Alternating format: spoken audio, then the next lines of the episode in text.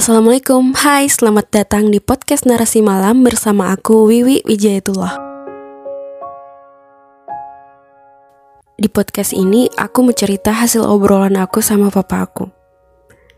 Jadi kemarin kita sholat maghrib di masjid yang agak jauh dari rumah. Abis sholat kita makan di warung pinggir jalan.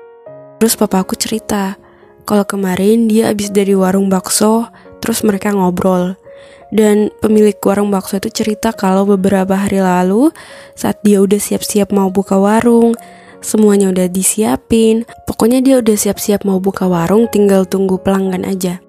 Nah tiba-tiba dia dapat kabar kalau omnya masuk rumah sakit. Akhirnya dia tutuplah warungnya dan buru-buru ke rumah sakit.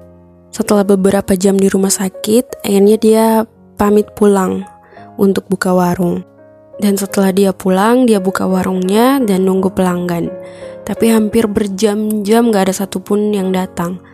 Pemilik warung bakso mulai muncul perasaan-perasaan sedih karena udah nunggu lama gak ada satupun yang datang. Dari sedih lama-lama jadi kecewa dan menyesal.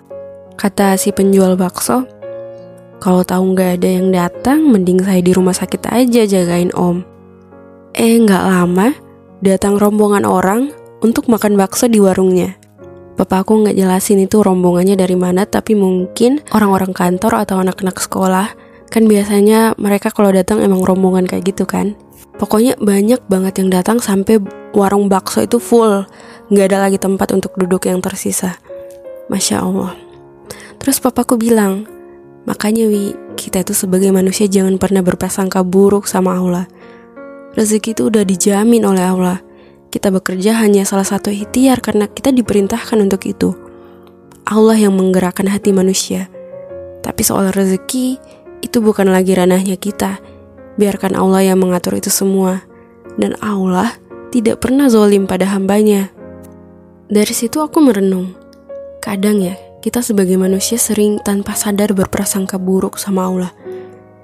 Kita berjuang, berusaha, terus belum menemukan hasil, lalu kita menyalahkan Allah. Ya Allah, aku sudah berdoa, kenapa belum dikabulkan? Padahal, Allah sedang merencanakan sesuatu yang besar untuk kita. Sesuatu yang di luar dari apa yang kita bayangkan.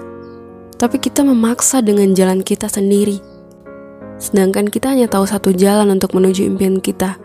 Tapi Allah punya ribuan jalan. Misalnya, kita mau pergi ke kota A, dan kita hanya tahu satu jalan untuk sampai di kota A. Dari rumah kita berdoa pada Allah, agar dimudahkan, dilancarkan jalan kita. Pas di perjalanan, ternyata jalan satu-satunya yang kita tahu itu rusak, gak bisa dilewatin. Akhirnya kita kecewa, marah. Aku sudah berdoa minta untuk dilancarkan dan dimudahkan, tapi kok malah kayak gini? Sambil memendam jengkel dalam hati, akhirnya kita putar balik. Lalu istirahat di warung pinggir jalan. Ngobrol-ngobrol sama pemilik warung, ternyata ada jalan lain untuk menuju kota A. Akhirnya kita melanjutkan perjalanan dengan petunjuk jalan yang dikasih tahu pemilik warung.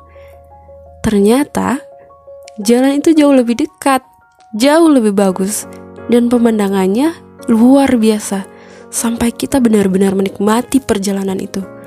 Gak kerasa akhirnya kita sampai pada tujuan kita dengan selamat, mudah, dan lancar. Sesuai dengan apa yang kita minta dalam doa. Bisa jadi Jalan yang awalnya kita tahu itu, kalau Allah tidak rusakkan dan kita tetap lewat di sana, akan ada hal buruk yang terjadi, akan ada hal-hal yang tidak baik yang terjadi.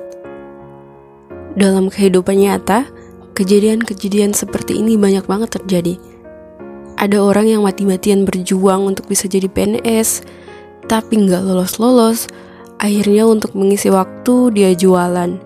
Eh jualannya laris dan tahap demi tahap dia lewati, dia tekuni pekerjaannya sebagai pedagang.